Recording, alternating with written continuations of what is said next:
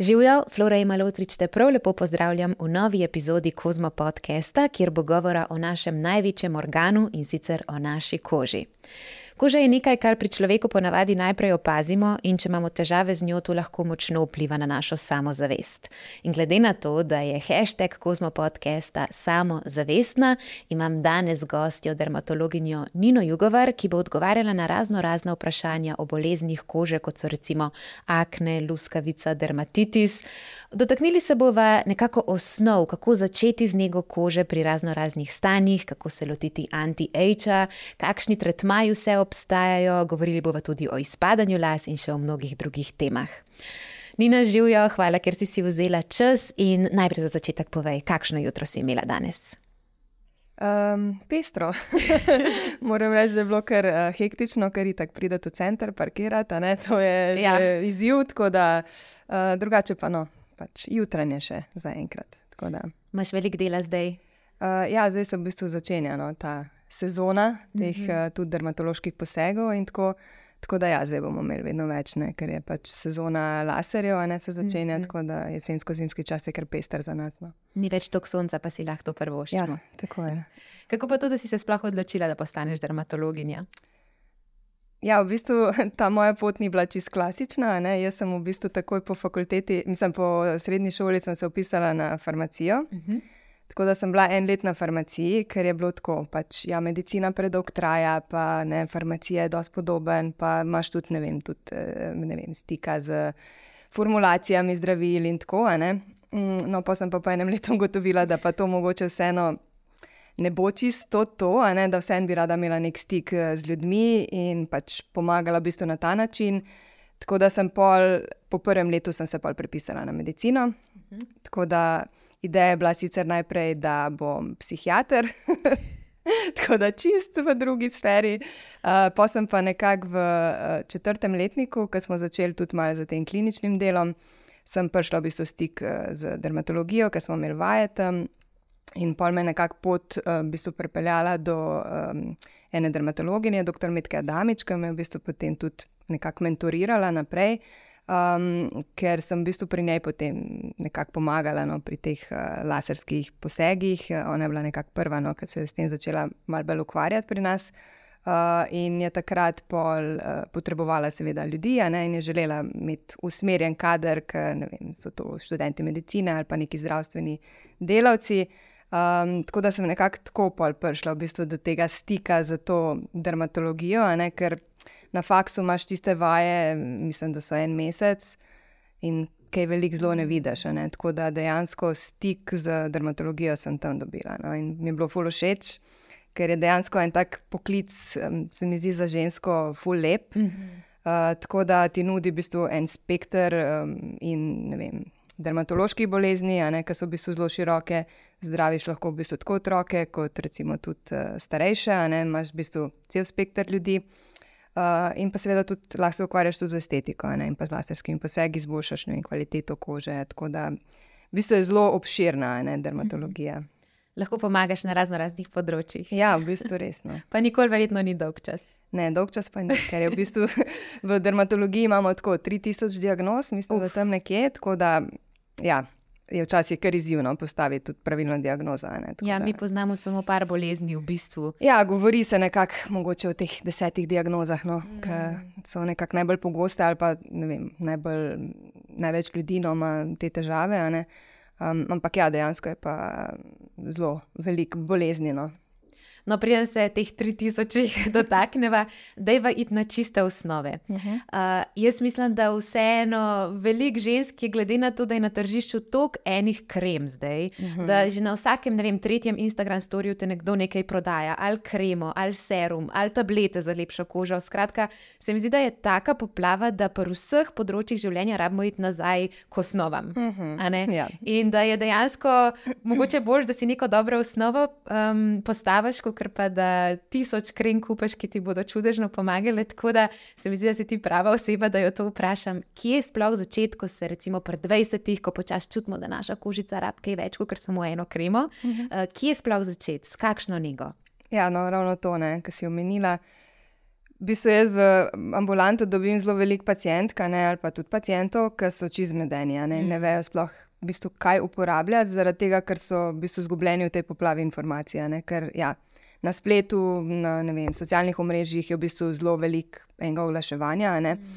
Uh, in dejansko uh, se včasih zgodi, da pridejo pacijenti s celo vrečko izdelkov ne, in rečejo, pač jaz to uporabljam, ampak pač moja koža je samo še slabša.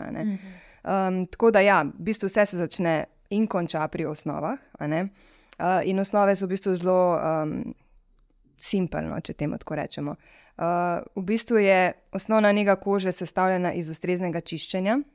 Čiščenje je v bistvu zelo pomembno, ker karkoli potem mi nanesemo na kožo, če pač koža ni očiščena, ne bo pač ali zdravilo učinkovalo, ali v bistvu tista krema, ki pač želimo nek učinek od nje, ne bo v bistvu pokazala takih učinkov. Ne? Tako da čiščenje kože, recimo zvečer, je zelo pomembno, da se to očisti z ustreznim čistilnim sredstvom. Zdaj, recimo pri ženskah, oziroma tudi pri uh, puncah mlajših, ne, če uh, uporabljajo že recimo kakšen make-up ali pa tudi kremo z zaščitnim faktorjem, se v bistvu včasih poslužujemo potem, oziroma dosti krat poslužujemo dvojnega čiščenja, kar pomeni, da najprej odstranimo ta make-up, pa uh, kremo z zaščitnim faktorjem, potem pa v bistvu so uh, še preostanek umazanije, um, še z očistilnim uh, gelom ali pa pač neko čistilno peno. Um, potem je v bistvu zelo pomembno tudi vzdrževanje vlage kože. Um, na to se včasih kar pozablja, sploh recimo pri masni koži. Veliko krat ljudje mislijo, da pač jaz ne rabim neke dodatne vlage kože, ker imam tako že čist preveč masno, ampak tle gre v bistvu za drugo vlaženje. Pač ljudje, ki imajo masno kožo, imajo zelo aktivne žleze lojnice ne? in producirajo v bistvu veliko loja, zaradi tega se koža sveti, ampak to ni isto vlaženje kože. Uh, v bistvu vlaga kože je v bistvu. To, kar pač tudi telo rabi, se pravi vodo. Uh, in v bistvu Vlaženje je v bistvu namenjeno celicam, da uh, so bolj hidrirane in v bistvu vlažimo z različnimi vlažilci, ki se nahajajo v negovalnih kremah. Tako da je v bistvu zelo pomembno, da najdemo eno ustrezno vlažilno kremo, ki nam ustreza, ki jo bomo tudi z veseljem uporabljali. Ker veliko krat se zgodi, da je krema prebogata za nekoga, ki ima recimo masno kožo, in potem dejansko ima občutek, da pač on ne potrebuje te kreme, ker mu naredi samo še neko težo na koži in mu ni prijetno, in potem tudi ne uporabljajo, recimo sploh fanti, recimo mlajši. Mm so, mislim, to je tako. Jih je že tako težko prepričati. ja, zelo, to je kar, um, mislim, tako imamo kar masažo. No? uh, tako da um, pač je dejansko pomembno no, vlaženje. In recimo tudi, um, kadar recimo zdravimo akne, ne, mhm. so vsa zdravila, ki so v bistvu namenjena za zdravljenje aken, delujejo na tem, da zmanjšajo produkcijo oseboma. Mhm. In koža je takoj, v bistvu, avtomatsko bolj uh, suha, ne, se lušči in to je v bistvu ta stranski učinek, ki ga večinoma potem tudi pacijenti vidijo. Ne, se pravi, to luščenje, lahko se pojavi pa tudi rdečina, ne, če mi ne nadomeščamo potem te vlage. Mhm. Tako da v bistvu vlaženje kože je zelo pomembno. Ne. Uh, potem je pa v bistvu še ta tretji korak um, v dnevni negi kože, ne, je pa potem seveda ustrezna zaščita pred soncem. Uh, ker v bistvu sončni žarki so nekako v 80% glavni povzročitelj uh, staranja kože, in pa potem, seveda, na dolgi rok tudi vem, lahko nastane na koži kožni rak. Um, tako da uh, ustrezna zaščita pred soncem, že kar vem, v času mogoče ne pozne pubertete, ne, da se to začne nekako redno prakticirati, se v bistvu pa svetuje kot neka osnova. Ne. Um, potem je pa vse nadgradnja, pa, pa vse v bistvu, kar recimo se lotimo, ali je to neko targetiranje pri aknah, ali to so neke hiperpigmentacije kasneje, ne? ali je to nek anti-age, ne? to so pa potem vse v bistvu dodatna njega.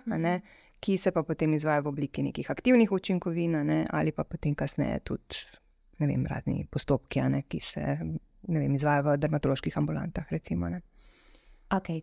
Uh, zdaj si ogromno enih informacij ja. dala. Uh, bom mogoče samo šla še malo globje v vsako od uh mhm. -huh. njih. Se pravi, pri dvojnem čiščenju imamo dva različna. Uh -huh. uh, se pravi, prvi je ponavadi, kot jaz vem, oljni. Uh -huh. um, recimo za mene je bil največji game changer, ko sem to začela, se pravi, uh -huh. dvojno čiščenje izvajati, ker sem imela tudi včasih malo težav z mozolčki. Uh, ker tako kot si omenila, veliko nas je takih, ki imamo dejansko masno kožo, ampak suho pa v spodnji, uh -huh. se pravi, ni nahranjeno v resnici. In to je, se mi zdi, najtežje najti nekako neko neko ja. za tako kožo. Um, torej, najprej najbolj pomembno, da imamo dvojno čiščenje, če sploh če uporabljamo uh -huh. SPF. Um, katere so pa recimo sestavine krem, ki jih uporabljamo vsak dan, na katere smo lahko pozorni, ko jih kupujemo, ker dajo neko vlaženje, neke um, dobre sestavine, recimo, pač, ker imamo res poplavo. Uh -huh. Zdaj eni rečejo, mora imeti to, mora imeti uno, mora imeti tretje. Neke uh -huh. take osnove za eno dobro kremo. Kaj so to? Ja, recimo, um, zelo je upevana hialuronska kislina, uh -huh. ampak dejansko pač ja, to je vlažilec, zelo popularen, nima pa teh obljubljajočih učinkov, ki omenjajo, da uporabljaš eh, kremo s hialuronsko kislino in boš vem, pet let mlajši. Pač ja, kožo navlaži, tako da je pač dober vlažilec, ampak spet ne ustreza vsem. Ne? Uh mhm. -huh. Zdaj, dobre neutralne kreme vsebujejo recimo tudi ceramide, so v bistvu gradniki te barjerne funkcije kože, ki uh, je veliko krat lahko potem okvarjena in potem se pojavijo težave v smislu rdečine, luščenja. Tako da je v bistvu zelo pomembno, da to vzdržujemo. To je v bistvu naša pregrada, ne, ki nas ščiti tudi pred zunanjimi uh, dejavniki. Um, potem so recimo holesterol, pač te lipidi, ne, ki se nekako sestavljajo to barjerno funkcijo kože. Um, tako da uh, v bistvu preparati no, so namenjeni predvsem vlaženju in nekako je to smiselno, da uh, vzdržujemo. Da malo pogledamo, kako kupujemo, Tako, da je res ja, to je tako. Ja, ja, ja. Mhm.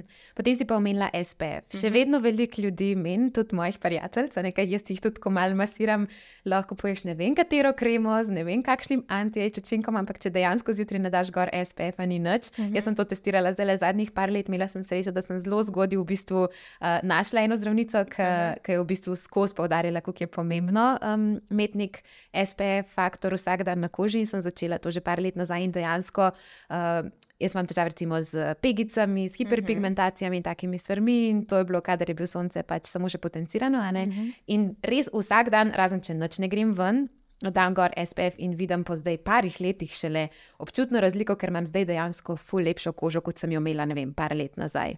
Tako da, bi mogoče še ti mal povdarila, kako je pomembno, da vsak dan to nosi. Ja, v bistvu je um, zelo zanimivo, ne? ker pač to so v bistvu učinki, ki jih vidimo čez par let.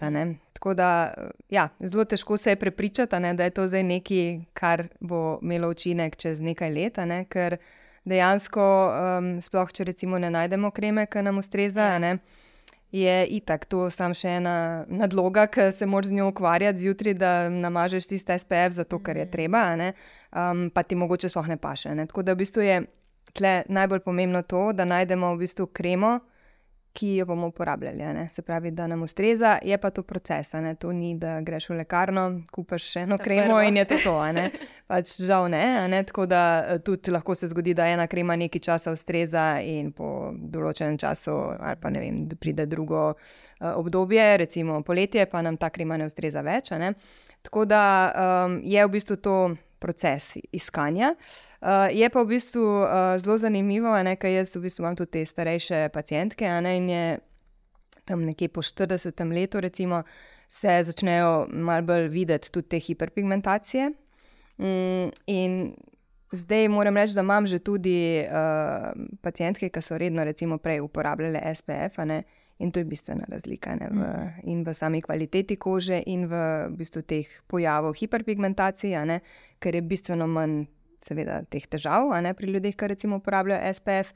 Um, Medtem ko ponavadi se potem ti, ki pa imajo težave ne, z hiperpigmentacijami, šele takrat, ko se to pojavi, začnejo s tem ukvarjati in ugotovijo, da okay, ja, nisem uporabljal brez SPF-a, pa bi bilo mogoče pametno. Ampak še zmeraj je bolj pač začeti enkrat, pa nikoli. Tako da um, ja, pač dejansko zaščita pred soncem um, je potrebna v bistvu vsak dan, celo leto. Zdaj, seveda, pač tle uporabljamo kemičko pamet, zaradi tega, ker zdaj, če si doma, pa ne greš nikamor ven. Seveda, pač spustiš lahko tudi na nos mm. kreme z SPF-om, Ampak tako, tudi recimo, če živite doma, kjer imate vem, velika okna ne, in je zunaj sončen dan, se pa seveda svetuje na nos eh, SPF-a, zaradi tega, ker so te UVA žarki, ki v bistvu delajo te fotopoškodbe, ne, prehajajo in skozi, skozi steklo, in tudi skozi oblake, in v bistvu delajo na tem, da poškodujejo se pravi, kolagene, elastin, pride do propada tega, povzroča seveda tudi staranje kože in pa tudi te vidne znake, se pravi gubice, hiperpigmentacije in tako naprej. Tako da tukaj, kar se tiče v bistvu tega um, estetskega stališča, je v bistvu um, pač iz tega stališča smiselno uporabljati. Um, potem je pa seveda tukaj zdravstveni razlog. Tle pa dejansko, um, recimo, jaz imam dosta eh, ljudi, recimo, kakšnih teh starih, stare gospe, ki so delale doma na kmetiji in bile v bistvu celo življenje zunaj, izpostavljene sončnim žarkom. In ko se tak človek sleče, ne, je to v bistvu razlika v sami kvaliteti kože enormna. Ne. Se pravi, koža, ki je recimo celo življenje pokrita, se pravi z oblačili, je praktično bela, brez poškodb, brez nekih pigmentacij, brez um, tudi teh prekanceroz, ne, kot so recimo aktinične keratoze. In uh, recimo roke, kot so podlahti, obraz, dekolte, tudi ne mogoče zgornji del hrbta, to je pa v bistvu zelo poškodovana koža, mm -hmm. zgubana, um, posejana s hiperpigmentacijami, prekancerozami. In tle potem dejansko vidimo to, ta vpliv ne, sonca in izpostavljenosti v bistvu celo življenje. Ne. Tako da, um, seveda, pač koža, ki je celo življenje izpostavljena sončnim žarkom, je potem tudi bolj nagnjena k temu, da se na teh mestih lahko pojavijo tudi kakšne prekanceroze. In pa tudi, seveda, najbolj nevarna, kož, mislim, najbolj nevarna oblika kožnega raka, ne, ki je pa pač melanoma. Ne. Tako da, ja, ljudje, ki so veliko na soncu, to govorimo, ne vem, ali je to nek poklic ali je to neka športna aktivnost. Ne, um, so dejansko bolj izpostavljeni tudi nekim pojavom ne, na koži, kot so neki karcinomi, če ne uporabljajo ustrezne zaščite pred soncem. Ja, videla sem na Instagramu nekaj časa nazaj tudi uh -huh. eno sliko. V bistvu, mislim, da je voznik tovornjaka, ki je samo uh -huh. na mhm. tej strani izpostavljen. Ja. Kakšna razlika je med levo in desno stranjo ja, obraza? Ja, ja, ja. Že ja. to se pokaže, ker ja, sem se grem samo v službo, pa sem pet minut, deset minut v avtu, ampak uh -huh. takrat lahko. Uh -huh. Ja, se ta slika je v bistvu zelo popularna. to so že ne vem, par let nazaj smo na enem kongresu tudi to um, takrat pokazali, ne, take, to je en članek. Uh, in ja, in je v bistvu zelo nazorno prikaže ne, ta vpliv sončnih žarkov. Ne. Tako da, ja, dejansko je nekaj na tem. Ja, glede na to, da, kot smo rekli, če ne uporabljaš sončne zaščite, ne bo nobena anti-age krema ja. delovala, greva pa mogoče zdaj k anti-age kremam, se uh -huh. pravi, kremam proti staranju. Uh -huh. Kdaj je pa to smiselno začeti uporabljati, pri katerih letih? Uh, ja, zdaj v bistvu anti-age, sama filozofija v bistvu pri tem anti-ageu je, da mi v bistvu želimo nekako podaljšati ne, to trajanje um, mladostnejše kože. In tle nekako imamo um, več opcij, ne, kako se tega lotimo, in nekako na začetku, ali pa kot neka najmanj invazivna varianta, je seveda pač uporaba um, krem z ustreznimi učinkovinami, ne, ki uh, se smatrajo v bistvu kot nek anti-age. Ne. Um, kdaj s tem začeti? Uh, tle v bistvu ni pravilnega odgovora. Ne? Tle je v bistvu uh, zelo individualno, ker smo tudi mi vsi zelo različni. Ne? Zdaj, nekaterih v bistvu gubice ne motijo, ne? so s tem sprijaznjeni, v bistvu jih sprejmejo ne? kot nek del življenja in del staranja, pri nekaterih pa seveda pač. Bi želeli, da tega ni, ne? da je mogoče stanje tako, kot je bilo, ne vem, pet, deset let nazaj. Um, seveda je pač odvisno tudi uh, od tega, kaj lahko potem z samimi kremami dosežemo, tudi seveda od stanja, kdaj se tega lotimo. Zdaj, prej, ko se lotimo v bistvu mm, ne vem, nekega anti-agea, ne, um, seveda več imamo nekih opcij. Ne. Če se pri 50-ih zdaj mi odločimo, da zdaj pa mi želimo z kremami doseči uh, čudež, ne, seveda več to ne bo šlo. Ne. Uh, ampak dejansko nekje, jaz bi rekla, mogoče tam v 20-ih, mogoče da se začne uporaba nekih teh nežnih uh, peelingov, nežnih, recimo antioksidantov, krema z zaščitnim faktorjem, itak. Um, in potem v bistvu nadgrajujemo. Se pravi, mi imamo dan danes na voljo en kup kozmetičnih uh, učinkovin. Uh, ki so tudi v različnih uh, vrednostih, se pravi, imamo različne procente teh učinkovin, uh, Uh, tako da lahko začnemo v bistvu zelo neko nežno uh, anti-age nego. Uh, in potem, ko se problematika recimo stopnjuje ali pa želimo nek večji učinek, ne, ker koža se v bistvu stara, kolagen propada ne, z leti uh, in potrebujemo več. Uh, potem pa seveda lahko to uh, dvigujemo, te procenti v bistvu nekako do neke.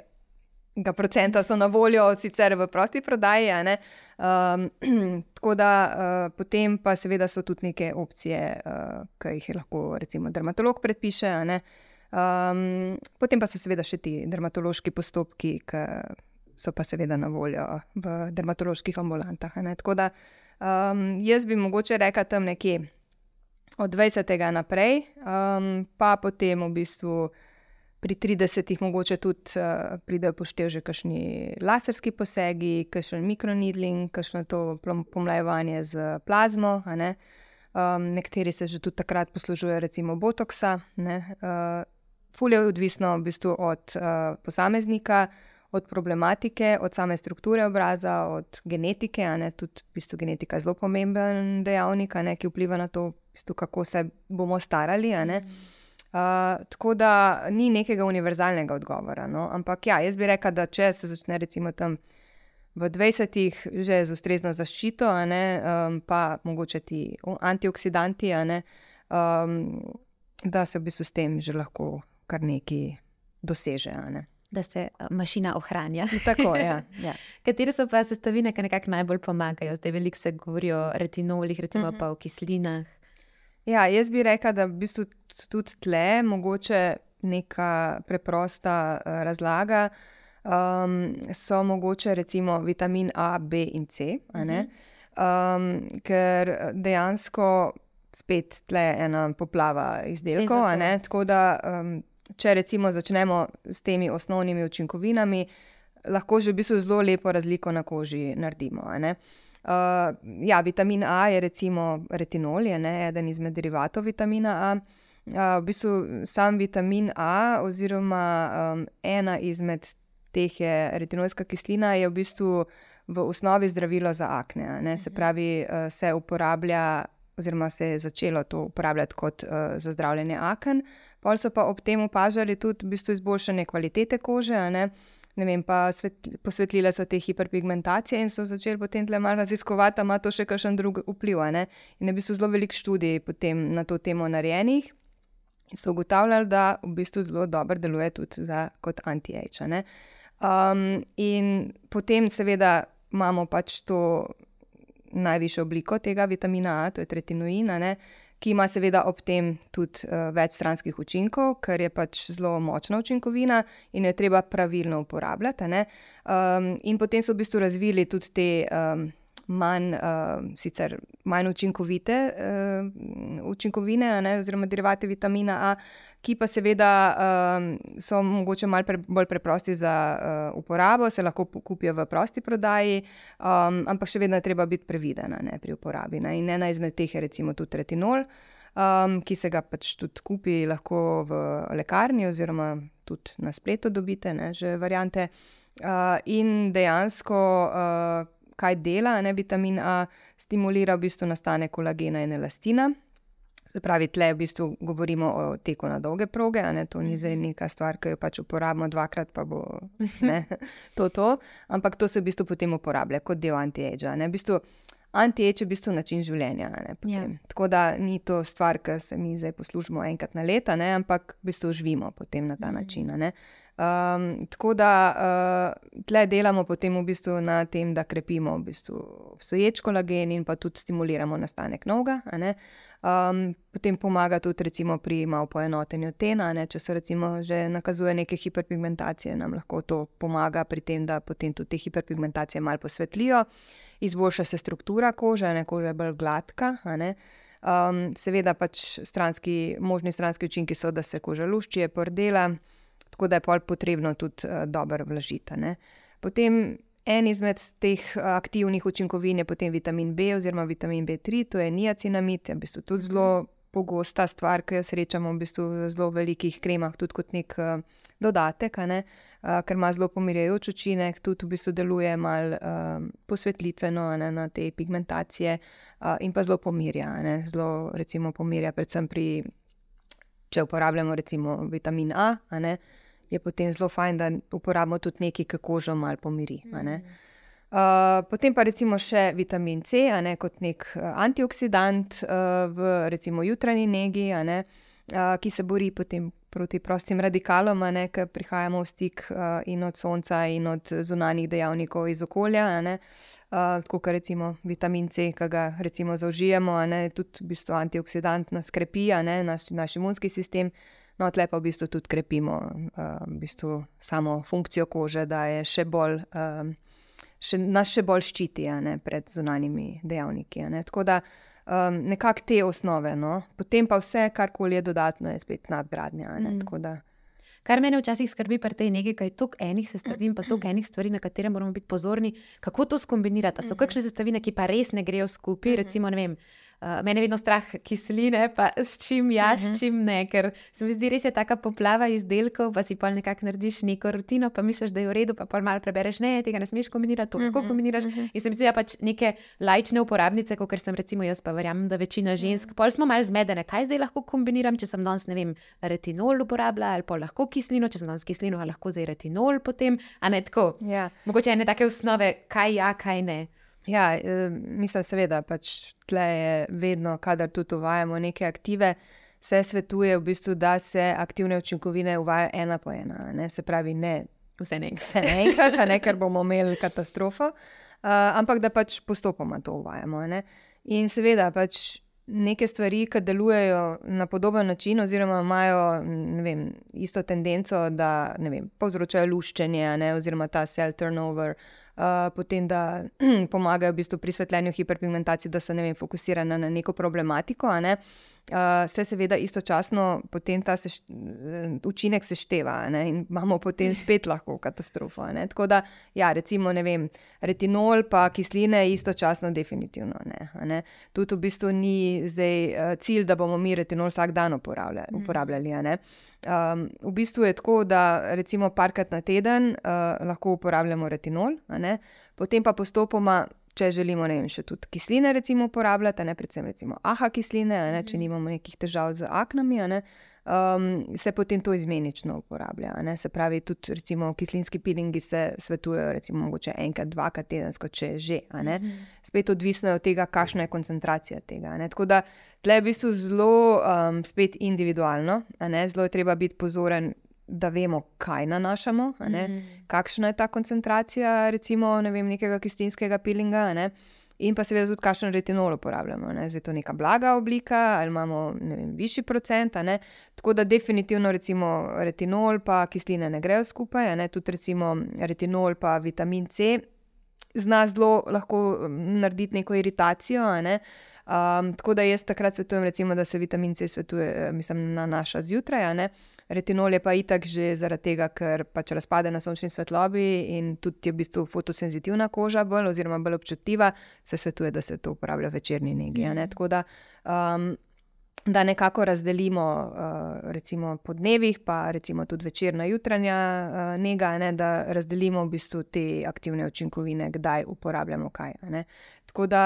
Um, Če pa seveda se zgodi, lahko ne, tudi uh, izkušenim uporabnicam, ne, da pride do rdečine, luščenja, da imamo dejansko preveč, ne, da je koža rekla ne. Um, takrat pa se seveda svetuje, da pač uh, prekinemo z uporabo vseh aktivov, delamo na krepitvi barierne funkcije kože ne, in potem pač, ko dejansko se koža, uh, ko si jo pomore, spet postopoma uvedemo aktivne učinkovine. Ne? Tako da um, ne se ustrašite, ne? če se to zgodi, to se vsem zgodi lahko, mm. uh, sam pač takrat lepo. Pač pauza z vsem, in potem postopoma nazaj. Ne? Najbrž na nek način se tako lahko mora pokazati, da nekaj deluje, ne nekaj reče. Ja, ja, mislim, najbolj je zanimivo to, ker poločasih eh, ljudje rečejo, ja, je to bilo na začetku ful dobro učinek, ampak zdaj pa to meni ne pomaga več. Ne? Ker se pač mi se navadimo, potem mm. na boljš se zelo hitro navadimo. Ja. uh, in polka dejansko, itak se vsakodnevno se gledamo v ogledalo, in na začetku ti vidiš to razliko, je koža mm. bolj uh, prožna, nimaš več teh vem, drobnih komedončkov, pigmentacije so malo zbledele. Uh, in vidimo, ful, dober učinek. Potem pa dejansko se to navadimo, ni več tega boom efekta, ne, ker pač tisto, kar je koža naredila, je naredila. Ampak mi moramo se zavedati, recimo pri uporabi recimo, vitamina A, ne, da mi delamo, še vedno koža dela, se obnavlja, samo je to globje v, v plasteh kože. In na dolgi rok se bo to obrestovalo. Uh, zato jaz včasih kar predlagam, da si mogoče um, ljudje naredijo en selfie, oziroma mm. da se pač slikajo, ne? pa si ga nekam shranijo, pa potem čez par let, da si v bistvu narediš uh, ponovno fotografijo in primerjaš, in se dejansko vidi, da um, si lahko dosti podoben, ker si bil recimo pet let nazaj. Ali izgledaš še celo boljše. Ja. Ja. Ker če si dejansko ne bi ukvarjal z tem, pa bi šla pač seveda narava svojo pot, ne koža se stara, pride do pač uh, tega, da se pojavljajo gubice. Ne, mm. Tako da bi bila bistvena razlika. No, je pač neki na temo. Ne. Skratka, tek na dolge proge. Tek na dolge proge, definitivno. Ja. Uh, sva se pa tudi večkrat dotaknili mhm. aken, uh mhm. -huh. to je tudi zdravljenje tek na dolge proge. Ja. Um, in zdi se mi, da je vedno več aken tudi v odrasli dobi. Tako, ko se malo pogovarjam uh -huh. z mhm. ljudmi, vedno več ljudi ima težave. Uh -huh. Tudi jaz sem jih imela v preteklosti, pa tako še malo pride vmes, uh -huh. zdaj smo tudi vedno bolj v stresu, pa uh -huh. najbrž tudi to vpliva. Ja. Um, kako pa je pri zdravljenju aken? Sploh uh, mogoče v odrasli dobi, ker se mi zdi, da za najstniške akne je veliko rečenega, ker uh -huh. pač to večina ljudi gre skozi to. Ja, ja dosti. V bistvu akne so nekako najpogostejše v dobi adolescence. Ampak ja, dejansko vidimo zelo veliko težav ne, pri ženskah, tudi ne, po 20 letu mm -hmm. starosti, um, predvsem na predelu brade, ne pa čeljusti, uh, da se pojavljajo tudi te um, zelo boleče akne, ne, se pravi, tako nodulocistične akne, temu rečemo. Ne. In te akne so dosta dovratne, lahko za zdravljenje, predvsem z nekimi lokalnimi pripravki, se večinoma ne obnese jih najboljše, oziroma um, tako, ni takega učinka, kot bi želeli. Uh, veliko krat se, so seveda hormonsko pogojene, se pravi, da pride do poslabšanja pred menstruacijo ne, ali pa med ovulacijo. Um, in takrat recimo, imamo lahko te zelo izbruhe ne, teh um, nodusov na koži. Um, veliko pripomore stres, definitivno. Uh, potem uporaba neustreznih kozmetičnih preparatov, uporaba preveč make-upa, neustrezno čiščenje, uporaba SPF-a, pa potem neustrezno čiščenje. Um, tako da dejavnikov je več. Uh, definitivno je pri ženskah pač potrebno izključiti tudi, da ne gre za kakšno dogajanje, se pravi, v smislu policističnih uh, jajčnikov, ker to je lahko zelo povezano, ne, da se to kaže potem tudi na koži, v smislu pač nekih aken, rezistentnih. Um, tako da tle definitivno je potrebno narediti diagnostiko, ne, da se pač opredeli, zakaj se te akne pojavljajo, da malo se pogovorimo z človekom malo naštudiramo nego, ali je tle kaj v zadju, ali je pač stresna, vem, stresno življenje in tako. Um, potem pa imamo v bistvu glede zdravljenja, ja, vedno je pač opcija, da se pač tega lotimo z nekimi topikalnimi um, zdravili, ne v obliki krem. Ampak, kot sem rekel, tle rezultati, mislim, ja, seveda, če so to neke blage akne, lahko seveda pomaga. Uh, ampak ponavadi so pač akne bolj trdovratne, tako da se potem poslužujemo tudi zdravljenja z sistemskimi zdravili. Uh, zdaj tle imamo pač nek spektr zdravil, ki se sicer uporabljajo in tudi za najstniške akne, ne, ker v bistvu um, delujejo na, mislim, akne so akne, ne, delujejo vedno pač na principu te sebacialnih žlez, da zmanjšamo produkcijo sebuma. Um, tako da imamo na voljo izotretinoin, potem spironolakton, ne, imamo pač nekaj opcij. Ne. Nekatere ženske se odločijo tudi za kontracepcijo. Tako da je nekaj opcij in so v bistvu tudi učinkovite. Um, zdaj, seveda, zakaj mi hočemo akne zdraviti, je zato, ker želimo preprečiti nastanek brazgotin mhm. in pa ta. Um, Občutek, ne, um, samozavest, ki v bistvu ljudje, ki imajo akne, so dost jih to prizadene, so zelo nesamozavestni in to vpliva v bistvu tudi na njihovo, njihovo počutje. Tako da um, jaz vedno rečem, da imamo akne zdraviti, ker imamo zdravila mm. in pač je to smiselno. Tako da um, tudi ne odlašati, pač pridite do dermatologa, ker pač imamo opcije, da to pomagamo. Tako da um, je seveda uh, pač to traja potem nekaj časa, ne? ni zdaj, da se eno zdravilo vzame, pa nimamo več Mhm. čakanja. To je ponavadi proces, ne? ki traja ne vem, par mesecev. Um, ampak ja, učinki so. ne. In Mhm. tudi v bistvu na ta način preprečimo potem nastanek brazgotina, ne? ker brazgotine je bistveno teže zdraviti kot takne. a ne. Tako da tle res jaz priporočam, da se ne odlaša z recimo neko, nekim iskanjem pomoči. No.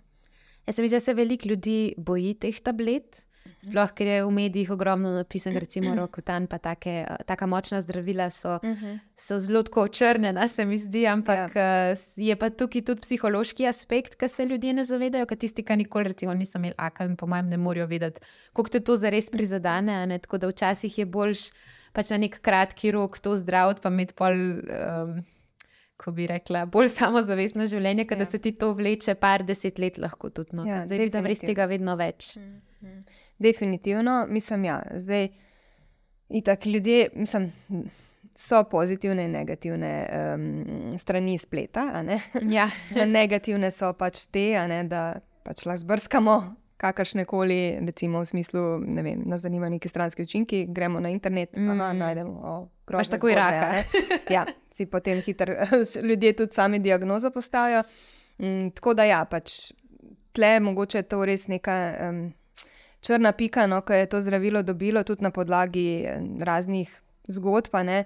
Um, ampak treba se zavedati, da v bistvu uh, zdravljenje uh, v smislu recimo tega izotretinoina ne, um, predpiše zdravnik. ne. Mm. To je dermatolog. Se pravi, dermatologi smo v bistvu edini, ki to zdravilo lahko predpišemo. Um, in tudi, uh, ko vam bo zdravnik to zdravilo predpisal, vam bo dal vse informacije in vas bo tudi spremljal. Kar pomeni, da vi ne boste dobili zdravila in boste prepuščeni sami sebi, ne. ampak uh, se vedno potem lahko obrnete na zdravnika, če imate kakršne koli težave, če se pojavijo neki stranski učinki, ne. Se vedno to. Mislim, lahko skomunicira, oziroma je potrebno skomunicirati z zdravnikom. Um, ker, ja, zdravila, pač, če gremo tam brati uh, stranske učinke, je naštetih en kup stvari, ampak tudi, če greste brati stranske učinke pri lekadolu, a ne, oziroma mm. nekaj, kar jemljemo proti vročini, ne, ali pa proti vem, menstrualnim krčem, ne, bo ravno tako pisala en kup stvari. ne. Tako da tle je pač spet treba biti. Uh, treba znati ravnati s temi informacijami, no, ki so na voljo. Um, in dejansko, če nas karkoli skrbi, ali pa nam ni jasno, ali pa ne vem, imamo neke težave, ki so nam, ki prej jih nismo imeli, ne, uh, se svetuje pač posvet zdravnikom, zato smo pač tam. ne. Zato, da vam pač pomagamo, da svetujemo, da ukinemo zdravilo, če pač ne pomaga, ali pa če povzroča neke stranske učinke. ne. Tako da um, to je nekako bistveno, no, ker se mi zdi, da se kar pozapa. Ne? Da ljudje preberejo tam eno zgodbo in ne vem, so neki stranski učinki opisani, in oni tako, ja, ne, jaz tega zdaj ne bom, ker to je pač čist preveč grozno. Pač verjetnost, da, bo, da boš ti imel takšne stranske učinke, ki jih je imel nekdo. Je mehna. ne. Mm. So neki stranski učinki, ki se pri vseh, oziroma v 90 odstotkih pojavljajo, ne, to recimo pri izotretinoinu oziroma rokotan retitrina, ne, uh, so to zdravila, um, ki povzročajo uh, ta cell turnover, ne, se pravi, da se koža potem bolj lušči, je bolj suha, deluje na žleze lojnice, zmanjša produkcijo sebuma uh, in dejansko um, na ta način potem koža je bolj suha in izsušena in rabi zaradi tega samo dodatno vlago. To, o tem se tudi pogovorimo na um, recimo nekem pogovoru, ne, preden uvedemo to zdravilo, da bo pač treba prilagoditi nego. ne. Tako da um, tle je v bistvu neka obravnava pač takega pacijenta je celostna, ne, kar pomeni, da ni zdaj, da jaz samo recept napišem, pa pač je to to. Ja, ampak dejansko ne, je to v bistvu cel pogovor. In ponavadi, recimo, sploh pri fantih je potrebno urediti potem še nego kože, ne, ker to pač za njih v večini primerov ne obstaja, ampak uh, je zelo pomembno. Uh, tako da so v bistvu rezultati pri zdravljenju, so pa potem ne, to, kar se potem pozna na izboljšanju samozavesti. Na ponosu, ne, da imajo končno lepo kožo, ne, um, na ne vem, začnejo se ukvarjati mogoče z nekimi hobiji, ki se prej niso, ne, ali pa so bolj družabni. Ne. To v bistvu je zelo um, velik vpliv ne, na tako, osebnost človeka, ne, pa na neko počutje splošno. Tako da jaz vidim tudi, recimo, pacijenti pridejo z aknami obupani, včasih se tudi jočejo v ambulanti, ne, ker so, ne vejo več, kaj narediti. In pol, ne vem, po pol leta, enem letu, ki pač so v procesu zdravljenja to so včasih drugi ljudje, mislim, mm. to je čist druga oseba, nasmejani, veseli in mislim, tako, polni življenja. Ne. Tako da je pač to spremembe na koži, imajo lahko zelo. Uh, Negativen uh, vpliv na počutje. Ja, vseeno je to prva stvar, ki se pokaže. Ne? Nekako se mi zdi, če imamo lepo kožo, se avtomatsko bolj počutimo v ja, svoji koži. Tako, ja. Mogoče ni um, z, mogoče z namenom to, da se dobro počutiš v svoji koži. Ja, definitivno je to z namenom, ko, mislim, je ta rek nekako uh, v kontekstu. Ja. Ker smo se pogovarjali o fantih, zdaj pa kako je pa z njego pri moških. Zelo jih je težko prepričati, ampak se mi zdi, da veliko moških rado tako malo krade ja, kreme svojim dragim. In to so ponovadi tiste, ta najdražje. ja, ja, ja. Kaj, uh, to, pa, uh, to, pa to je pa super. Je pa ja. ja, ja, to je doskrat problema, ne? jaz imam tudi ta problema. Tako da, um, ja, uh, zdaj moški, mislim, moške prepričati, da zdaj morajo uporabljati neko kremo na dnevni bazi, je tako včasih si Mission Impossible. Mm -hmm. um, Sploh da jim omenjam, da morajo uporabljati SPF, ne tako, ja, kako zdaj to, vsak dan. ja, vsak dan. tako da, um, ja, pač. Je seveda projekt, ampak vse se da. Se, če najdemo nekaj, kar jim pač ustreza, kar nimajo pa občutka, da imajo ne vem, nekaj na koži, mm. ne, da jih moti, um, se lahko to vse, recimo, osnove, kot smo rekli, čiščenje, vlaženje, SPF, ne, um, se ravno tako tudi pri moških, se mi zdi, vedno, vedno več no, moških je zainteresiranih za to. No. Tako da um, spet pač potrebujejo malo mogoče usmeritve, ne, da se jih usmeri kaj. Um, pa potem pač ja, te ek eksperimentiranja ne, pri mogoče svojih partnerkah. Um, tako da uh, jaz pa lahko rečem, če se slučajno to kašna potem potoša, ne, da partner potem krade. Rečem, ja, da ne mu pač odstopi v delček, a nekaj ostane na koncu, pa bo on tako ful vesel, ne, pa še nekaj dobrega bo naredil za svojo kožo. Ne. Tako da, uh, ja. Se mi zdi, da se jim ne zdi tako moško, če uporabljajo krime. Ne vem, ja, ja, mogoče je, ja, da je to bolj ne vem, nekakšna ženska domena. Pa, je, ja, ja. ženske več časa preživijo v kopalnici, ampak včasih je pa tudi obratno. No. da, ja, glede na to, da imajo razne gele in ne vem, kaj ja, ja, ja. najbrž res. tako da tle, se mi zdi, da, vedno, da so vedno bolj odprti no, za, za te. Um, skincare ja. svete. Definitivno je lepo videti urejenega človeka z lepo kožo, tako ja, da ne veš, ali je ženska ali moški. Definitivno. Da, uh, moški nič ni narobe, če uporabljate kreme. Ja, res je. Eh, Dejva se dotakniti še ene zelo pogoste bolezni in to je dermatitis. Uh -huh. um, kako pa je recimo tudi z, s tem, ali je nujno, da se zdravi takoj s kortikosteroidi, ali so možne kakšne druge oblike zdravljenja? Uh, zdaj, če tle misliva pač atopijski dermatitis, ja, atopijski dermatitis je v bistvu zelo pogosta uh, kožna bolezen. Um, zdaj pojavi se lahko že v bistvu zelo zgodaj, to je mhm. nekje tam od tretjega meseca starosti naprej. Uh, lahko se pa pojavi seveda tudi kasneje v življenju. Uh, zdaj, atopiki, to je v bistvu zelo posebna struktura ljudi, so v bistvu taki zelo taf, ker morajo zelo veliko dati uh, čez skozi življenje, ker jih spremljajo ponavadi težave v smislu nekih ekcemov na koži, ne, srbenja, to je pač srbenje, ki je lahko prisotno 24 ur na dan. Um, in dejansko.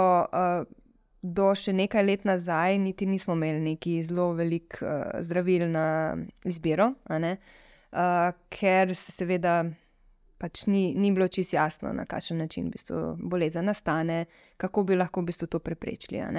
Um, je pa zdaj, se mi zdi, nekako um, vseeno ta razkorak v tem, da imamo na voljo v bistvu vsako leto vedno več zdravil. Uh, sicer predvsem za uh, to hujšo obliko atopijskega dermatitisa, ne, ker to v bistvu je lahko v nekih različnih obsegih, ne, da se te težave pojavljajo. Um, tako da je tudi upanje no, za te, ki so zelo um, prizadeti zaradi te bolezni, ker to so spet v bistvu lahko ta žarišča po celem telesu. Uh, omejujejo pri vsakdanjem življenju, mm. pri izbiri aktivnosti, izbiri partnerja, izbiri službe, um, srbi pač koža 24 ur na dan, ljudje ne spijo zaradi tega. Um, to vse vpliva potem na bolniške, na manjkanje v, v šoli in tako naprej. Tako da v bistvu sama bolezen vpliva na velik spekter življenja. Mhm. Tako da, um, če, že, če mi po tem atopiku zmanjšamo srbenje, da njega koža ne srbi, smo mi naredili drugega človeka, ne? ker tak mhm. človek lahko zdaj po noči spi, je zjutraj naspan. Ni da zdaj ne more funkcionirati, tega, ker ni spal celo noč, ker se je praskal, um, in lahko tudi kaj počne čez dan. Um, tako da um, kortikosteroidi ja, so bili pač do zdaj in so še vedno pač prva um, terapija izbora. Ampak jaz bi tle najbolj poudarila v bistvu to, da je najbolj pomembna terapija pri uh, atopikih je nega kože. V bistvu nega kože je enako zdravljenje. Ker uh, pri atopikih je okvarjena ta barjerna funkcija kože in v bistvu ne nudi te zaščite pred zunanjimi uh, vplivi okolja in pa v bistvu koža zgublja vlago ne, skozi to ukvarjeno bariero. Um, in mi moramo v bistvu koži ponuditi, ne, da um, ji pomagamo pri tem, da pač to barjerno funkcijo kože krepimo. In to pa delamo potem z uh, vlažilnimi kremami. Ki vsebujejo tudi uh, določene uh, sestavine, ne, ki so uh, del barijere, Uh, in na ta način v bistvu pomagamo pri tem, da se koža dejansko lahko uh, potem brani tudi uh, pred temi zunanjimi vplivi.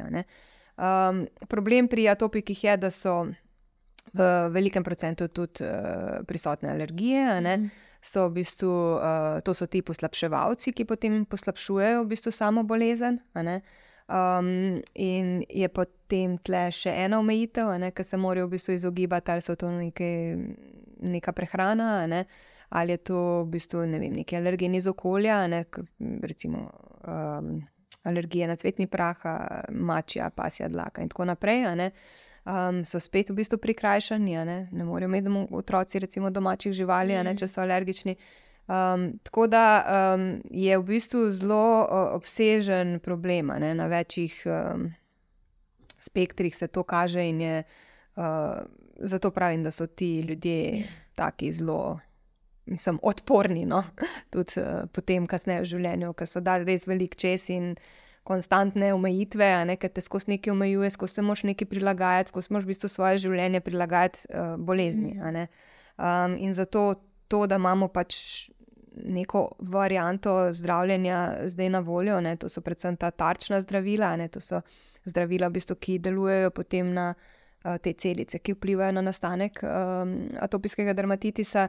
Um, Izboljšajo kvaliteto življenja. To mm. v bistvu je tisto, kar želimo uh, doseči, in tudi kar si pacijenti želijo, ne? da lahko normalno živijo. Mm.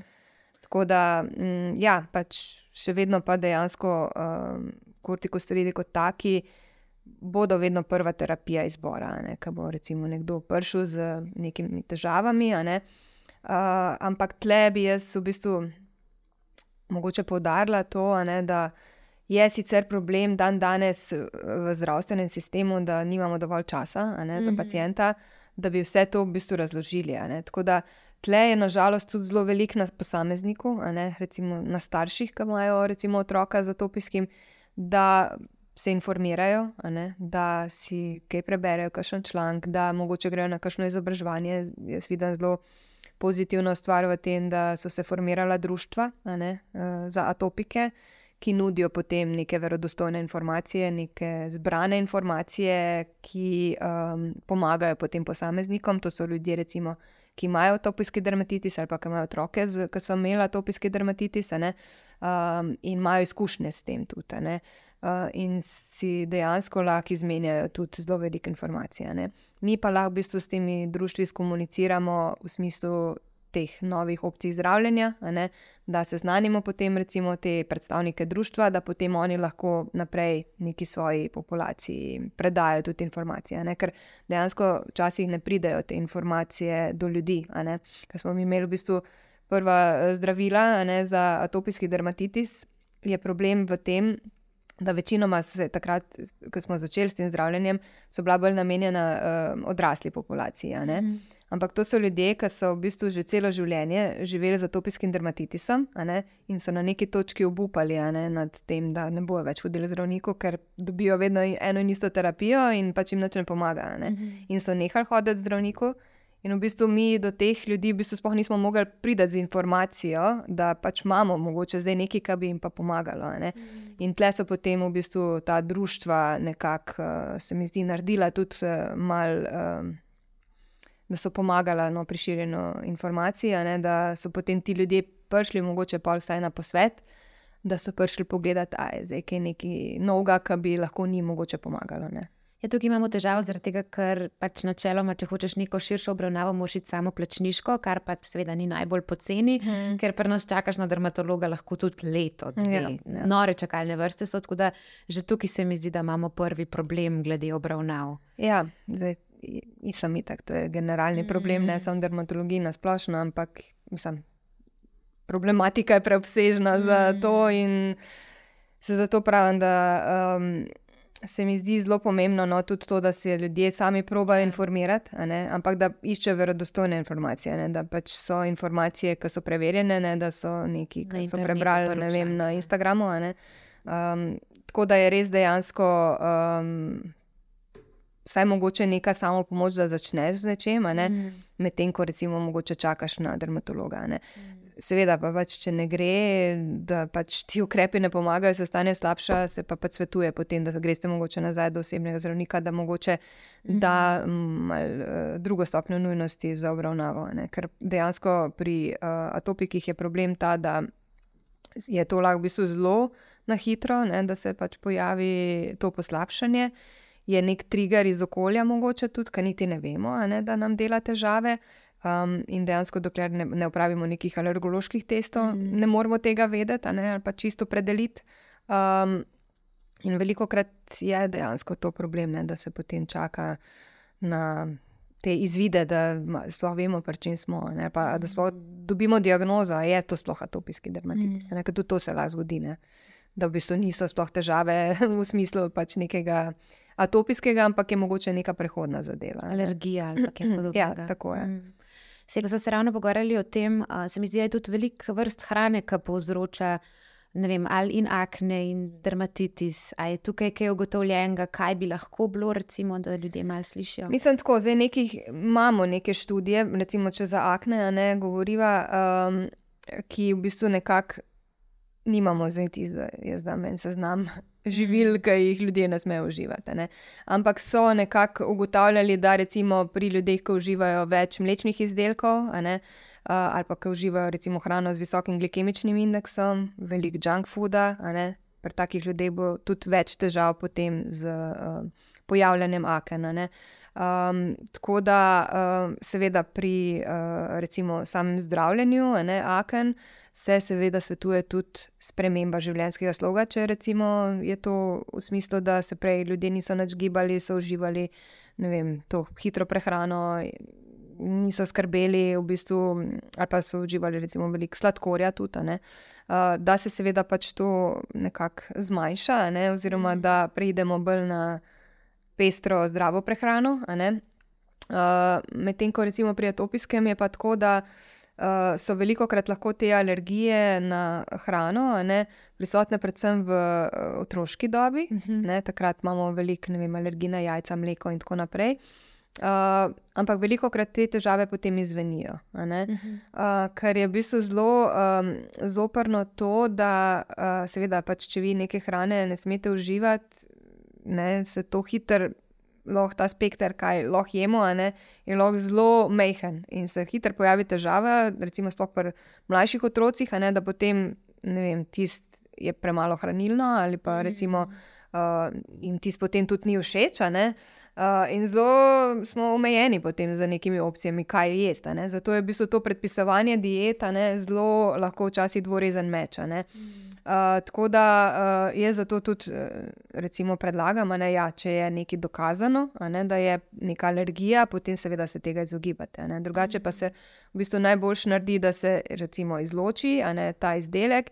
Uh, in če se človek recimo bolj počuti, vidi, da mogoče nima nekih um, zagonov, ne, uh, da se potem vseeno mogoče temu izogiba. Ne, ne pa da zdaj gremo na dieto brez vsega, živimo od uh, zraka pa vode. Mm. Pač to ni dobro za nas, ker to nam bo povzročalo stres, stres bo povzročal pa še poslabšanje kože in smo spet v enem začaranem krogu. Mm. Tako da.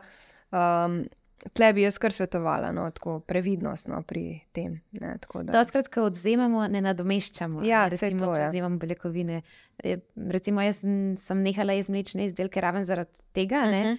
um, in pol pač zgubiš nek del beljakovin. Ja. In dokler nisem dojela, uh, meni v bistvu manjkajo beljakovine, jaz moram ja, to nekje ja. drugje dobiti. Ne? Se mi zdi, da dokler nimaš dovoljenega znanja, zdaj imamo full sreče, obstaja uh -huh. ogromno dobrih podcastov, pa ne uh -huh. zdaj kar nekom, ampak strokovnjaki. Ja. In ravno zaradi tega sem te tudi želela povabiti, da se na enem mestu zberejo neke koristne informacije uh -huh. za mhm. razno razna stanja, ker uh -huh. se mhm. mi zdi, da ja, se je ogromno enih informacij, ampak kako pa to sestaviti v eno. Dobro sestavljeno, ja. da se lahko pomagaš. Ker ti lahko že probaš, pa probaš uno, probaš tretje, ampak vseeno pa rabiš neko usmeritev strokovnjaka. Ja, se ravno to je tisti problem. Ne? Informacije je v bistvu velika, ne? zdaj to sfiltrirati je pa pol v bistvu kar umetnost. Mm. Pa da v bistvu vzameš iz teh informacij tisto, kar bo tebi pomagalo. Mm. Uh, tako da ja, se zato v bistvu te verodostojne informacije pa res mogoče ne. Um, Poslušati vsega, ja, ki ja, ja. ima mogoče pet minut časa, več kot jaz, mm. da pač nekaj razlaga. Ne vem, o tudi dejansko kompleksnih zadevah. No. Mislim, lahko si narediš res, res ogromno ene škode, ja, sploh pri zdravju. Dejansko. No pač zdravje imamo eno. Ja. Zdaj se mi zdi, da je to ja. res pomembno, da ustrezno skrbimo. Pa to, kar enemu pomaga, ni nujno, da bo drugi. Ja, ne, sem včasih pol rada tako dala kakšen nasvet. Vem, ja. Recimo, meni osebno so res ogromno pomagali treningi za lepo kožo, uh -huh. pa mhm. pač to, da sem izločila mlečne izdelke. Uh mhm. -huh. To mi je res največ pomagalo od vsega. Ampak ni nujno, da bo to eni moji prijatelji pomagali, ker pa mogoče vzrok ne vem. Da ima ginekološke težave ali pa karkoli. Ja. Tako da se mi zdi, da moramo res paziti, kdaj damo na svete, pa komu jih damo, uh mhm. -huh. ker včasih lahko narediš res več škode, kako res. Ja, točno to, kar ni univerzalnega recepta. Ne? Ne. Ni za enega recepta, ki bo veljal za vse. Uh, ni univerzalnega recepta za zdravljenje aken, ni za uporabo SPF-a. Ja. Tako da uh, dejansko je zelo individualno. Mm. Zdaj, veliko lahko sami pač ugotovimo, ampak se treba pač ukvarjati pač z tem brskati. Brskamo, smo ja, nekako radovedni in ja, se ukvarjamo potem z pridobivanjem novih informacij. Ne. Kaj pa hrana, ki je dobra za kožo, ki pa vemo, da ima mm -hmm. veliko dobrih sestavin? Definitivno je tudi hrana, ki je dobra za kožo. To je tista, ki je zelo bogata z antioksidanti, uh, uh, sadje, zelenjava, zelena zelenjava, ne? potem recimo borovnice so ene take zelo bogate uh, antioksidantne bombe. Uh, tako da definitivno hrana, ki se oglašuje kot zdrava, ne? v smislu velik zelenjave. Uh, je tudi tle, definitivno, benefit. Ne? Uh, ne smemo pozabiti na beljakovine, mm, ki so pač gradniki ne, telesa, uh, tudi maščobe, ne, pač telo potrebuje v bistvu maščobe, oglikovi hidrati so ravno tako ne, za energijo. Tako da ne smemo se prikrajšati pač za nek del hrane, mm -hmm. ker pač telo rabi pač za gradnjo, za obnovo, ne, uh, rabi določene sestavine. Tako da. Zdaj, kar se tiče zdrave prehrane, je spet problem, ker imamo en kup poplave ja. z prehranskimi strokovnjaki in uh, na svetu, kaj in kako uživate. Uh, jaz mislim, da tle pač itak dobro je poslušati sebe, tudi kaj recimo, telo potrebuje ne, v nekem trenutku, uh, in pa seveda, pač, da smo pozorni na to, kar se hitro pozabi, no, zadosten vnos beljakovin. Uh, in pa da ne uživamo preveč sladkorja, ne vem, bogate hrane z uh, maščobami in tako naprej. Tako da, definitivno pa je pač tudi nekaj na tem, no, da imamo uh, nek vpliv tudi od prehrane, ne, na, ki se pozna na koži. Ja. Ja, na enih bolj, na enih manj. Tako je. Rada bi se dotaknila še las. To je nekaj, kar uh, imamo ženske zelo rade, na kar smo ponosne in se ukvarjamo s tem, kupujemo razne serume, razne šampone in tako.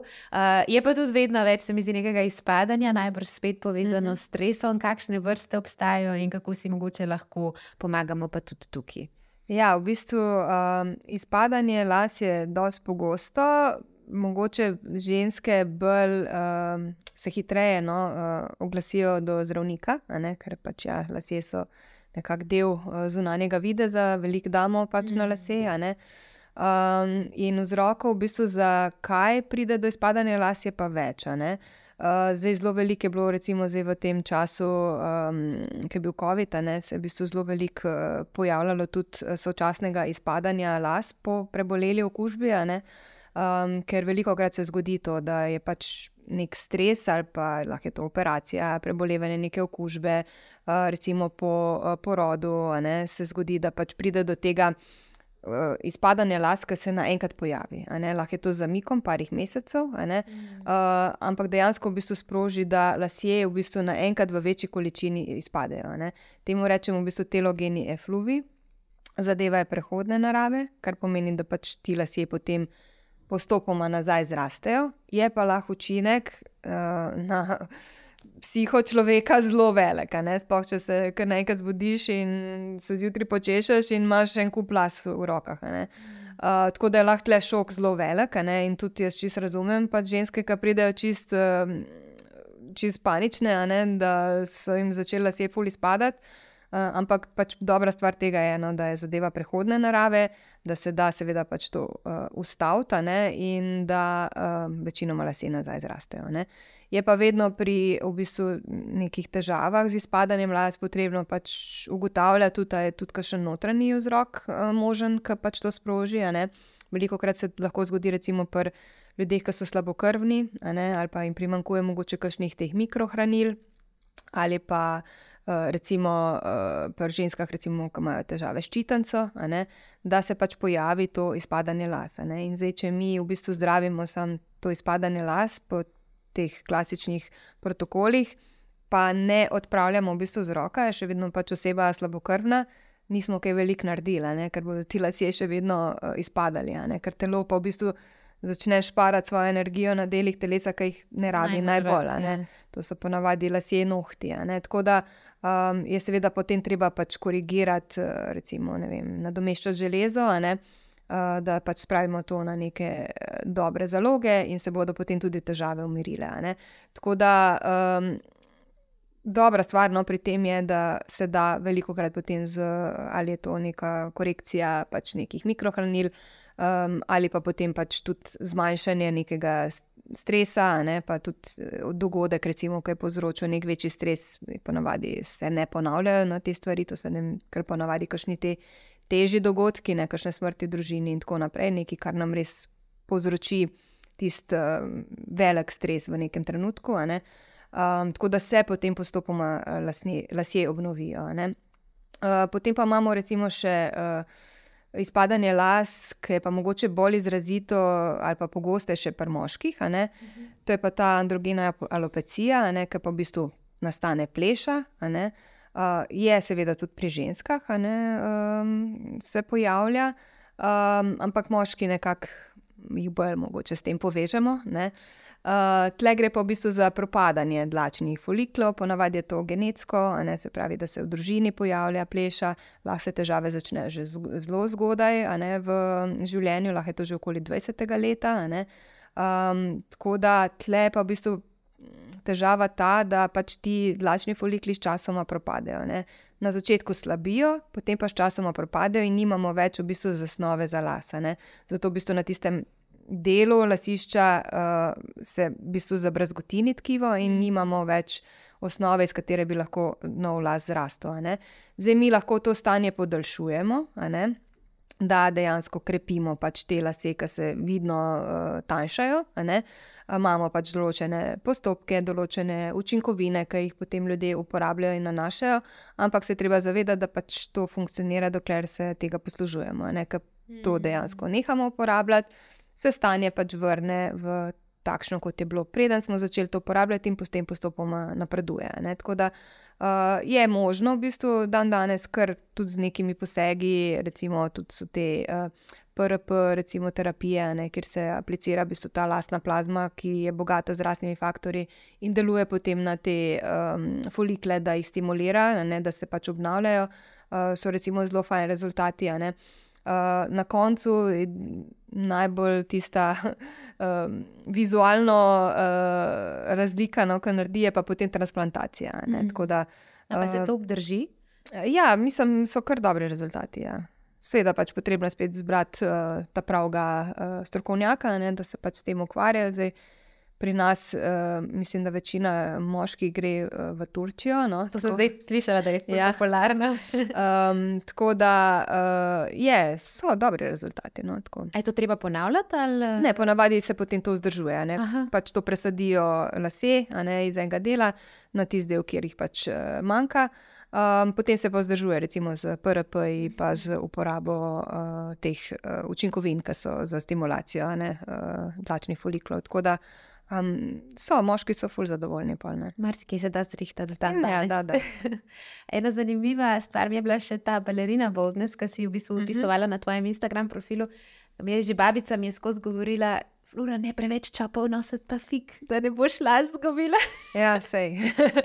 Mogoče nisem najboljši primer, ker jaz sem zelo pogosto čapa in tista fotka je moja. Uh, ker ja, dejansko uh, pač ta tenzija, ki jo dejansko vsakodnevno, recimo, če nosimo čop ali pa figo, uh, izvajamo na te dlačne folikle, se potem v bistvu zgodi, da pač seveda to dlačni folikel uh, nekako poškoduje na dolgi rok in se potem uh, te lasje rečijo na teh mestih, in imamo potem v bistvu ta um, del na lasišču, ponavadi je to spredje, um, ki mu rečemo v bistvu trakcijska alopecija, ne, ki mhm. pride zaradi trakcije, nekega vlečenja do poškodbe foliklov, in potem v bistvu na tistem mestu.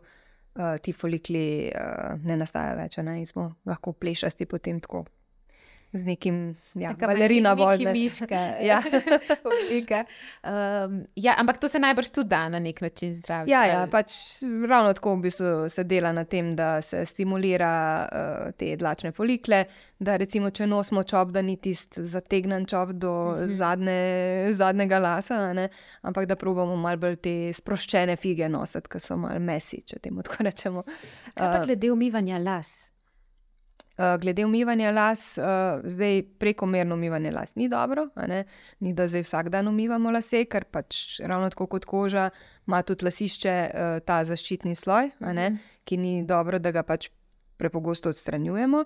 Um, je pa to odvisno, Zdaj, na koliko časa recimo, si nekdo more umivati lase, je odvisno tudi od tega, koliko recimo, um, se producira loja ne, pri uh, samem posamezniku, koliko smo športno aktivni. Um, več dejavnikov je tle, zdaj, če imamo fulgoste lase. Uh, je tudi pol večja verjetnost, ne, da se hitreje zamastijo na določenih delih. Ne, tako da uh, definitivno pa se odsvetuje prepogosto umivanje. Jaz dosta dobim, recimo, tudi, predvsem mogoče moški, ki si tisto, oni si jim grede, da se umijejo, še, ki se stoširajo. Uh, ampak je potem hitro lahko izsušeno lasišče ne? in se potem lušči in jih srbija, ker dejansko um, odstranjujejo na dnevni bazi ta uh, zaščitni sloj, ki ga ima koža, ne? tudi v lasišču.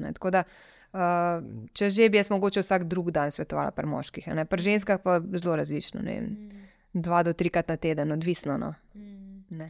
Kaj pa recimo suhi šamponija, to fej zapacala sišče ali je ok? Mislim, suhi šamponi ni zdaj, da bi to nadomeščalo umivanje lasa. Ne?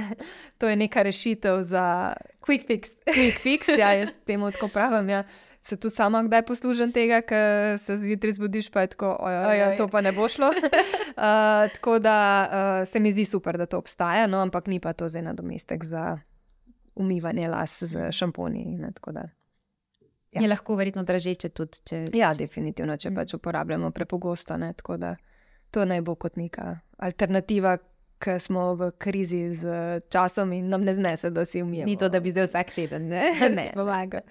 Um, omenjali smo tudi zaščitne plasti in tako in prej, ko smo se pogovarjali o raznih boleznih kože in nasplošno o koži, um, smo mogoče pozabili omeniti tudi um, povezavo med črvesjem in kožo. Mhm. Kako lahko mogoče tudi to pozdravimo, pa je to vpliv, um, oziroma to vpliva na razno razne Mhm. bolezni. Mogoče še beseda o tem. Ja, zdaj, uh, v bistvu v črevesju imamo mikrobiom, ki ga imamo tudi na koži.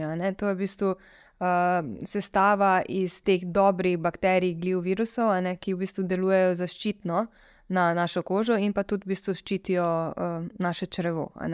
In uh, dejansko, če naš ta mikrobiom dobro deluje, ne, mm, se potem v bistvu tudi zaščita kože. Uh, pač je ustrezna, in pa tudi pri črevesju nimamo nekih težav, ne, v smislu nekih prebavnih težav.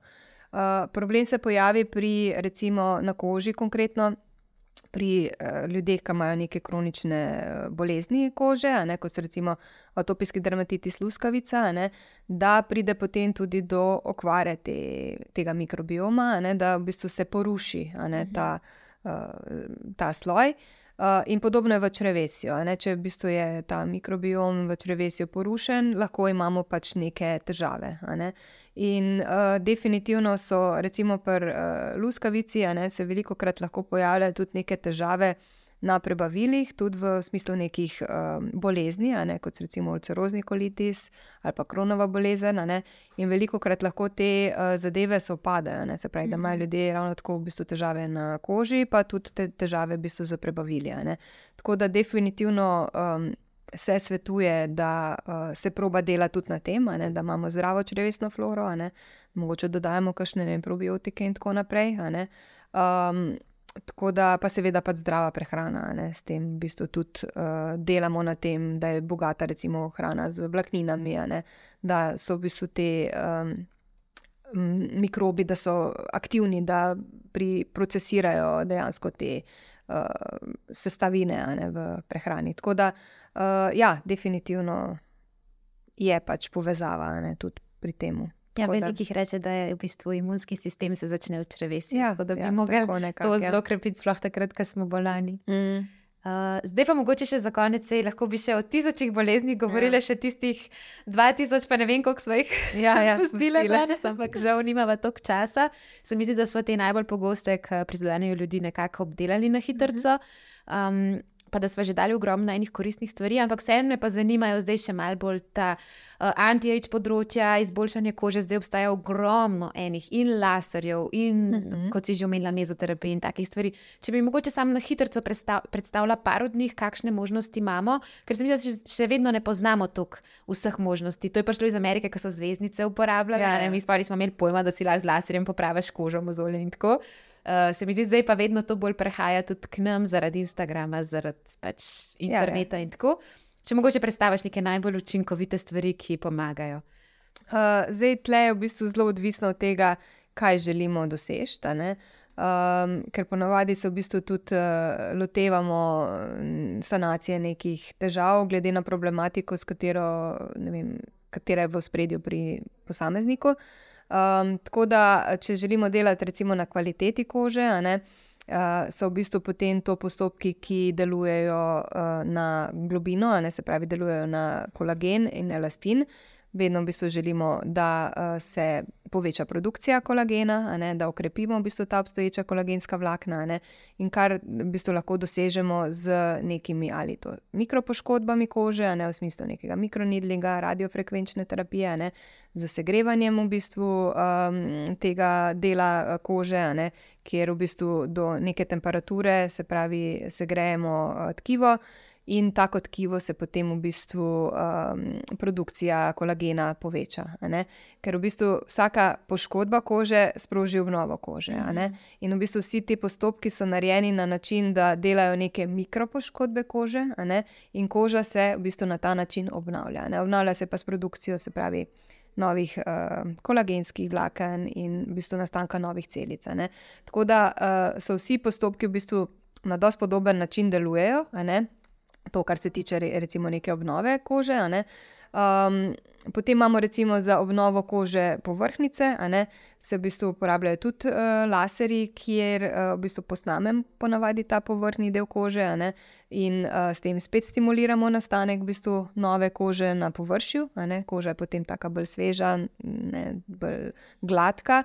Um, potem recimo uh, laserji se uporabljajo tudi za odstranjevanje hiperpigmentacije, so v bistvu zelo učinkoviti. Mm za odstranjevanje recimo žilnih sprememb, recimo z leti se pojavi, na, predvsem na licih ali pa tle ob nosu, se pojavijo te drobne kapilarce, ki so lahko zelo moteče, lahko v bistvu tudi uh, vizualno dajo neko rdečico na licih, ki mogoče vsakmu ne ustreza, da jo ima in se da to zelo dobro, recimo z laserskimi posegi odstraniti. Tako da laserji so. Tako ena super stvar, no, mm -hmm. ker se da res zelo veliko stvari z njimi početi ampak seveda mora pač to delati nekdo, ki zna pač tem ne, upravljati. Ne, ker, ja, ampak ni mogoče tako samoumevno, ker se mi zdi, da dan danes, kar, vsaj kar vidim jaz, no, te poplave informacij o teh laserskih posegih. Um, ne vem, so to tudi iz različnih kozmetičnih salonov in tako, ampak dejansko um, pač laserji, ki so ustrezni, so ponovadi medicinski laserji, ki se uporabljajo v uh, klinikah, uh, ki jih v bistvu zdravnik eh, izvaja posege in tako naprej. Tle bi pa svetovala, predvsem tudi, da se človek, preden gre na to, informira, ne, ker uh, dejansko laserji so orodje, ne, s katerim je pač treba znati delati, ne, ker sicer lahko naredimo zelo veliko škode, mm. ne, ker je to v bistvu neka energija, gre se recimo, ponavadi so to posegi na obrazu. Ne, uh, ne vem, jaz ne bi ravno vsakmu zaupala, ne, da mhm. greš pač na nek poseg, ki ti dejansko lahko naredi tudi opekline, recimo v mhm. najslabšem primeru. Ne. Tako da, um, definitivno so pa ena super stvar, no. tako da se da zelo veliko stvari z njimi početi. Um, potem imamo razne aplikacije, se pravi, aktivnih učinkovin v kožo. Z leti se pač dogaja to, da uh, koža izgublja na volumnu, na prožnosti, in s tem v bistvu lahko tudi malo pomagamo. Zdaj, recimo, nadomeščanje volumna je potem z aplikacijo uh, hialuronske kisline, ne, se pravi, tako imenovani filarji. Um, zdaj, veliko krat se zgodi, da so ljudje zelo, imajo nek odpor do tega. Ne. Um, jaz čez verjamem, ne, tudi zakaj, ker se v bistvu ja, to, kar vidimo na spletu, so ponesrečene aplikacije ne, um, teh filarjev, ker poanta v bistvu za moje pojme ne, pri uporabi tega je, da v bistvu noben ne ve, da, mm -hmm. da imaš pač uh, mogoče filar. Ampak zgledaš samo bolj spočit, pa nekaj je drugač, pa ne more človek definirati, kaj točno je to. Um, tako da. Um, jaz sem pristaš pač tega, da manj je več, ne, da mhm. delamo v bistvu na tem, da vzdržujemo naravni vides. Um, in uh, dejansko se da z pravilno aplikacijo doseči ravno to, ne, da pač upočasnimo v bistvu staranje. Um, zdaj, seveda, nekaj lahko naredimo um, z uporabo pač, uh, teh uh, preparatov. Ne, Uh, do neke točke, ne? seveda, večkrat to pa potem tudi to ne zmore. Ne? Uh, Uh, tle bi mogoče omenila še potem botulin toksin, ki je tudi zelo pogost, oziroma botoks. Um, to se mi zdi neka najpogostejša stvar, no, tudi tako, na svetovni ravni, ki se uporablja ne, za pomlajevanje, um, oziroma predvsem, da se te gubice, ki se nam delajo, recimo okoli oči ali pa tle na sredini čela, da jih mal. Uh, zrelaksiramo. Ja.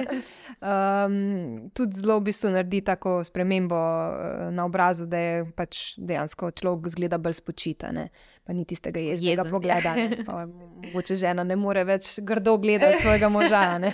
To se včasih kaš ne pritožuje, da zdaj ne bo mogla več grdo gledati. Ampak ja, dejansko spočije obraz, no? ampak tudi ne moš točno vedeti. Kaj je drugače, včasih. Tako da, um, se pravi, mora pa biti spet to aplicirano v mejah, eh, da je pač to naravno, da še vedno zgleda človek. Ja, absolutno je treba paziti, kam greš. Tako, ja, definitivno. Ja. Tega obraza res ni fajn zaupati. Ker, ja, ker potem pa dobimo pač ne, te uh, videze, ki niso najbolj. Uh, ki so zdaj sicer zelo popularni. Ja, eh, ampak. Ampak na dolgi rok pa tudi tako, ne vem, no, če bo to jih skozi inno. Jaz mislim, da bo naravna lepota začela spet zmagovati, glede mm. na to, mm. da vse postaja zelo isto. Ja, ja se to. Ne, ravno to je meni recimo en tak. Uh, Aspekt, ki mi morda ni najbolj všeč, je, da so potem v bistvu vse ženske si zelo podobne. Um, pa zgubiš potem ti svoj jaz. Tako da jaz sem bolj pristaš tega, da je naravno, da še vedno smo to mi, ne, ampak da pač samo izboljšamo uh, videz v smislu, da mogoče koža je malo bolj sijoča, prožna, uh, nismo tako jezni. Tako. tako da se pač dobro počutiš v svetu, ja. da hočeš zgledati kot nekdo. Tako. Pa da si še vedno ti, ja, da pač ja. ohraniš ja. svoje jasne. Ja. Uh, še ena stvar, ki se je res hotela dotakniti, pa tudi materina znamenja. Uh, jaz imam recimo kar precej, ampak na kateri točki so nevarna. Ne? Zdaj, a se da mhm. odstraniti tudi naravno in uh, brez nekih posledic, recimo take, izbu take mhm. izbukline. A je to varno, se to da, kako je s tem? Uh, ja, v bistvu znamenja so zelo pogosta stvar, skoraj. Vsak ima vsaj eno znamenje, ne? so pa ljudje, ki so pa zelo posuti z znamenji. Mm. Tle je malo odvisno od genetike. Zdaj, če imamo v družini recimo, ljudi, ki so recimo, zelo uh, posuti znamen, je verjetnost, da bomo pa tudi mi imeli več znamen večja. Um, potem pa seveda še tudi ta izpostavljenost, koliko smo bili recimo v otroštvu, v mladosti izpostavljeni soncu. Mm. Uh, znamenja v bistvu jaz priporočam. Vsakmu, da če še ni bil nikoli pri dermatologu, da gre vsaj enkrat v življenju k dermatologu, da se pač znamenja pogledajo. Uh, in da potem nekako dobite navodila, uh, na koliko časa, recimo, se priporoča en pregled. Uh, zdaj, uh, včasih se v bistvu zelo um, pogosto no, pridejo kakšni starši, ki so prestrašeni, pa pri otrocih opažajo pojav znamen. Um, seveda, pač, če smo v skrbeh, boš da gremo pokazati, da čakamo, pa mm -hmm. rečemo, da se ni nič. Um, ampak dejansko nekje tam od pubertete naprej se začnejo znamenja lahko tudi spreminjati. Uh, pri otrocih znamenja nastajajo, sploh če v družini recimo, je več teh uh, znamen. Um, tako da pa neke spremembe v samih znamenjih opazimo, je pa potem to kasneje v življenju lahko. Uh, tako da jaz pač priporočam, da seveda se tudi ljudje sami uh, opazujejo. Da poznamo svojo kožo, da poznamo svoje znamenja. Če imamo znamen zelo velik, priporočam jaz tudi, mogoče, da si kožo malo poslikamo, mm -hmm. ne, mhm. da imamo nek bolj objektiven. Objektivno predstavo o tem, kaj imamo na koži, ne, ker hitro se potem zgodi, da pogledamo danes, pa pogledamo čez dva meseca, pa razmišljamo, ali je to že bilo ali ne, je to čisto novo nastalo. Ker to je pa v bistvu dosti pomemben podatek. Kaj vi pridete k dermatologu, vas bomo vprašali, če nam bo nekaj sumljivo, koliko časa pa imate to, je to že dolg. In pa če odgovor, ja, ne vem, ne, pa je meni sumljivo, se bom jaz potem odločila, da bom to izrezala. Če pa mi ne vem, rečete, da ja, to imam že vem, deset let, pa skozi je tako, se ne spremenja. Mhm. Ok, bomo demo to malo opazovati, če se bo kaj spremenjalo, ne, eno kontrolo, pa potem vidimo, kako je. Tako da, um, zakaj je to tudi pomembno? Ker melanom v bistvu lahko nastane dosta hitro, mhm. nastane v velikem procentu, nastane na novo. In dejansko je problem, ker um, je pri melanomu ravno ta negativna stvar, da zelo hitro napreduje.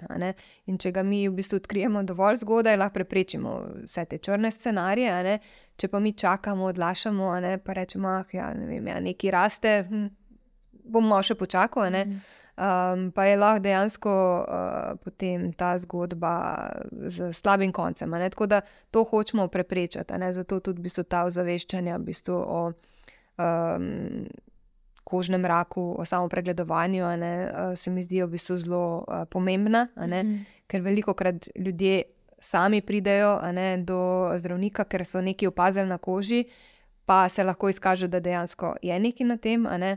Veliko krat se pa zgodi, da je pač tudi eh, neopravičen strah, ne, um, ampak je še zmeraj bolj, da se to pogleda da vemo, pri čem smo, in pol od tam naprej tudi uh, dobimo neka navodila, glede možnosti odstranitve, glede možnosti spremljanja, in tako naprej.